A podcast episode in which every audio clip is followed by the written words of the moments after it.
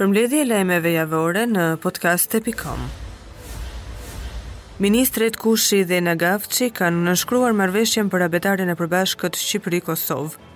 Për ne shqiptarët e Shqipërisë është gjithmonë kënaqësi që të jemi këtu në Kosovë, por sidomos Unë sot në këtë pozicion të ri që e mbaj tashmë prej një viti, e kam pritur me padurim një vizitë zyrtare këtu në Prishtinë dhe pikërisht me ministren e Arsimit të Kosovës për të konfirmuar edhe një herë bashkëpunimin e shkëlqyer që kemi në fushën e arsimit tashmë të konkretizuar në shumë projekte dhe në shumë arritje të përbashkëta, ka thënë ndër të tjera ministrja Kushi.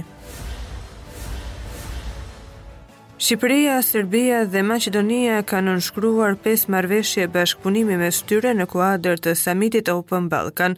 Të gjitha marrëveshjet e nënshkruara janë Marrëveshje për qasjen e lirë në tregun e punës në Ballkanin Perëndimor, Marrëveshje për ndërlidhjen e skemave për identifikimin elektronik të qytetarëve të Ballkanit Perëndimor, Marrëveshje e bashkëpunimit në fushën e veterinarisë, ushqimit, sigurisë ushqimore dhe në fushën fitosanitare në Ballkanin Perëndimor. Marrëveshje dypalëshe mes Serbisë dhe Këshillit të Ministrave të Shqipërisë për njohjen e ndërsjellë të operatorëve të autorizuar ekonomikë. Marrëveshje dypalëshe mes Maqedonisë së Veriut dhe Këshillit të Ministrave të Shqipërisë për njohjen e ndërsjellë të operatorëve ekonomikë për autorizimin e sigurisë dhe sigurimit. Ish-kryeministri Sali Berisha ka paralajmëruar Lulzim Bashën që të mos i kundërvihet vendimit të referendumit të tetëmbëdhjetë dhjetorit. Komisioni ka vendosur të fillojë menjëherë nga puna për zbatimin e vendimeve të Kuvendit të njëmbëdhjetë dhjetorit të rithemelimit të Partisë Demokratike. Gjer më datën njëzet e dy mars, të gjitha strukturat e kësaj partie duhet në përputhje me ndryshimet statutore të shndërrohen në struktura të anëtarëve të Partisë Demokratike të cilat ata do të vendosin me votën e tyre të lirë për drejtuesit e tyre dhe për forumet e tyre. Kjo është një punë intensive, por pasioni, energjia, përkushtimi i demokratëve është më i madh se kurrë. Ndërkohë komisioni i komunikoi deputetit Lulzim Basha vendimet supreme të anëtarësisë së Partisë Demokratike në aktin më historik të lirisë gjatë pluralizmit siç ishte referendumi i datës 18. Ky akt, siç e dini, është ratifikimi i shkarkimit për të cilën vendosën 4446 delegatë të Kuvendit të thirrur nga anëtarësia më 11 dhjetor, ka thënë ndër të tjera ish-kryeministri Sali Berisha.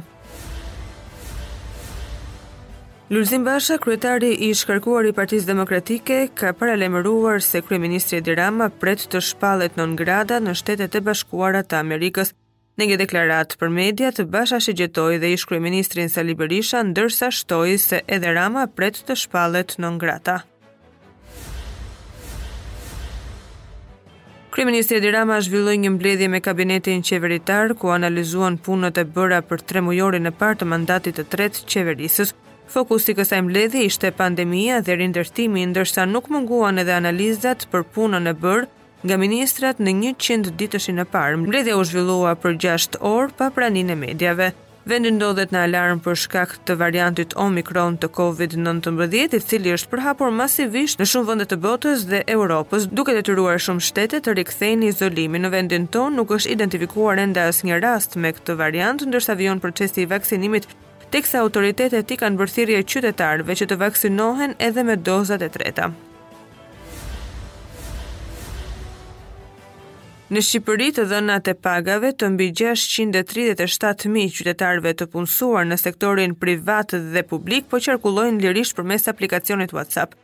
Prokuroria bëri të ditur se ka nisur menjëherë hetimet, qeveria nga ana e saj tha se nuk rezulton të ketë ndodhur ndonjë eksport dixhital i bazës së të dhënave, Duke folur megjithatë për një ndërhyrje kriminale në bazën e të dhënave të pagave, presidenti Ilir Meta e cilësoi publikimin e të dhënave një shkelje flagrante dhe një skandal të përsëritur, duke kujtuar publikimin e të dhënave personale të mbi 900.000 qytetarëve pak para zgjedhjeve, ndërsa Partia Demokratike është e bindur se të dhënat që po qarkullojnë së fundmi kanë qenë pjesë e strategjisë së qeverisë për qëllimet e saj elektorale.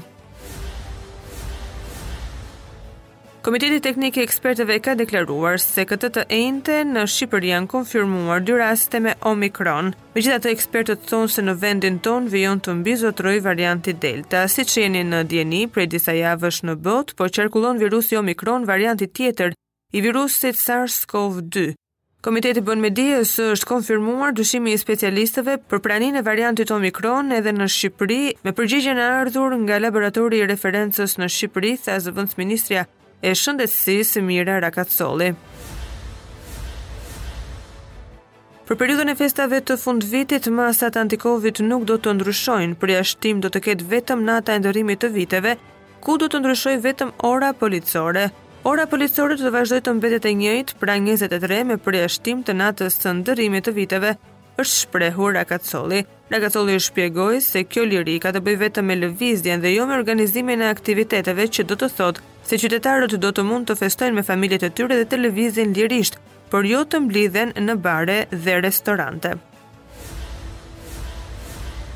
Në vijim të punës për parandalimin dhe goditjen e aktivitetit kriminal të kultivimit, prodhimit dhe shitjes së lëndëve narkotike, bazuar edhe në informacionet e marra në rrugë operative nga ana e Komisariatit të Policisë Vau i Dejës në bashkëpunim me seksionin për hetimin e narkotikëve dhe trafiqet e paligjshme se një shtetas në fshatin Mnel të Bushatit kultivonte bimë narkotike me anë të llambave Është organizuar dhe finalizuar operacioni policor i koduar Bushati. Në kuadër të këtij operacioni u arrestua shtetasi Gjergj Vastia, 33 vjeç, Kristian Vastia, 21 vjeç, Prend Vastia, 22 vjeç, Kristian Nikolli, 56 vjeç, banues në fshatin Mnel.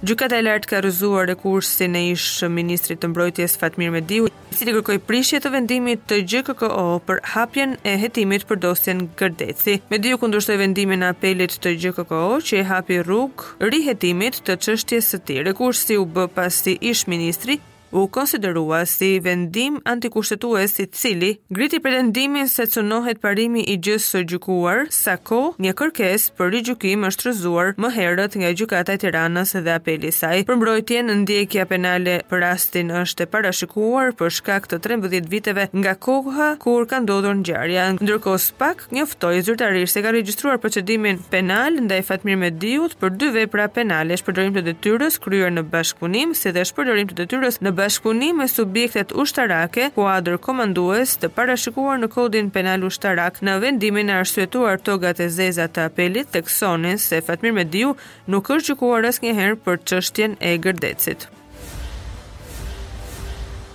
Nënkryetarja e Partisë Demokratike, Jorida Tabaku, shprehet se çështja e inceneratorëve duhet të shkojë deri në fund, teksa i bën thirrje SPAK që të mos mjaftohet vetëm me arrestimin e ish-ministrit Lefter Koka. Tabaku ka publikuar në Facebook një deklaratë nga foltorja e Kuvendit ku shprehet se pas çështjes së inceneratorëve qëndron një grup kriminal ku sipas saj përfshihen dhe ish-ministra socialistë dhe kryeministri Edi Rama. Një 30 vjeçar është ekzekutuar me armë zjarri në Kamëz, në rrugën Nikol Vatnikaj. Viktima sipas informacioneve të policisë është identifikuar si Can Kariçi, i lindur në Dibër dhe banues në Kamëz në lagjen numër një Bathore. Tridhjetë vjeçari u gjet i vrarë brenda makinës së tij me targa të huaja, në vendngjarje shkuan forca të shumta policore dhe rrethuan skenën e krimit. Mësohet se viktima është një person me precedentë të mëparshëm penal në fushën e krimeve kundër personit. Brenda makinës së tij policia gjeti një pistoletë, çka do të thotë se viktima lëvizte i armatosur, ndërkohë që në zonën e institutit është gjetur duke u djegur një automjet tip Audi që dyshohet se u përket autorëve të vrasjes. Uniformat blu bënë kontrolle në zonë për të bërë të mundur identifikimin dhe kapjen e autorëve.